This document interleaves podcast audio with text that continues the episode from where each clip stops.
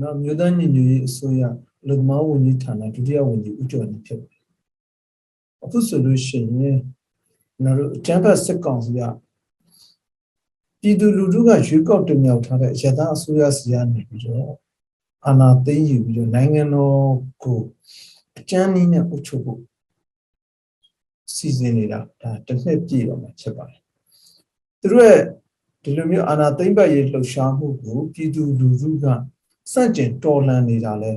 အခုဆိုလို့ရှိရင်တစ်နှစ်ပြည့်မြောက်တော့မှဖြစ်ပါတယ်ကျွန်တော်တို့ပြည်သူလူထုရဲ့လိုလားတဲ့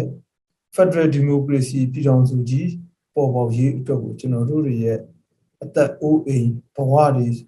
ဒါတွေအားလုံးကိုကျွန်တော်တို့ပေးဆက်ပြီးတော့တိုက်ပွဲဝင်နေကြတာဖြစ်ပါတယ်ကျွန်တော်တို့မှာကျွန်တော်တို့လိုချင်တဲ့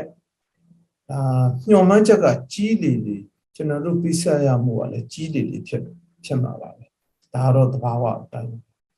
အဲ့တော့ကျွန်တော်တို့တွေဘာလို့လိုချင်လဲကျွန်တော်တို့ပြည်သူလူထုတွေလိုချင်တာကငြိမ်းချမ်းပြီးတော့ညီညွတ်တဲ့ Federal Democracy ပြည်ထောင်စုကြီးကိုကျွန်တော်တို့လိုချင်တာဖြစ်ပါတယ်ပြီးတော့အကြမ်းဖက်စစ်ကောင်စီဒီစစ်အုပ်စုလက်အောက်ကနေပြီးကျွန်တော်တို့ရဲ့စီးပွားရေးတွေ ကျွန်တော်တို့တိုင်းပြည်ရဲ့အနာဂတ်ကျွန်တော်တို့ပြည်သူလူထုရဲ့အနာဂတ်တွေအားလုံးကိုဒီစစ်အုပ်စုက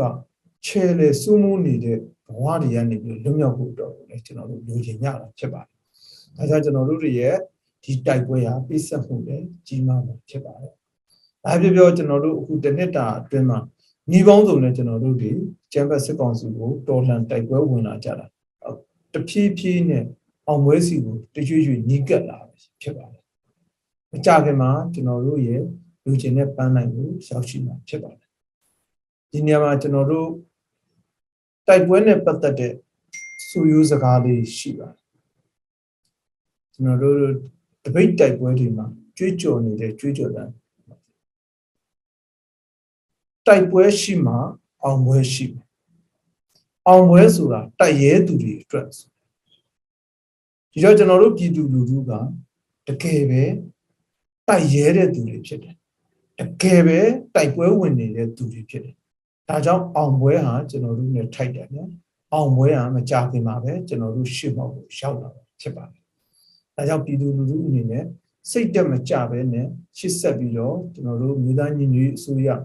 နဲ့အတူလက်တွဲပြီးတော့ကျွန်တော်တို့ဒီစစ်အာဏာရှင်စနစ်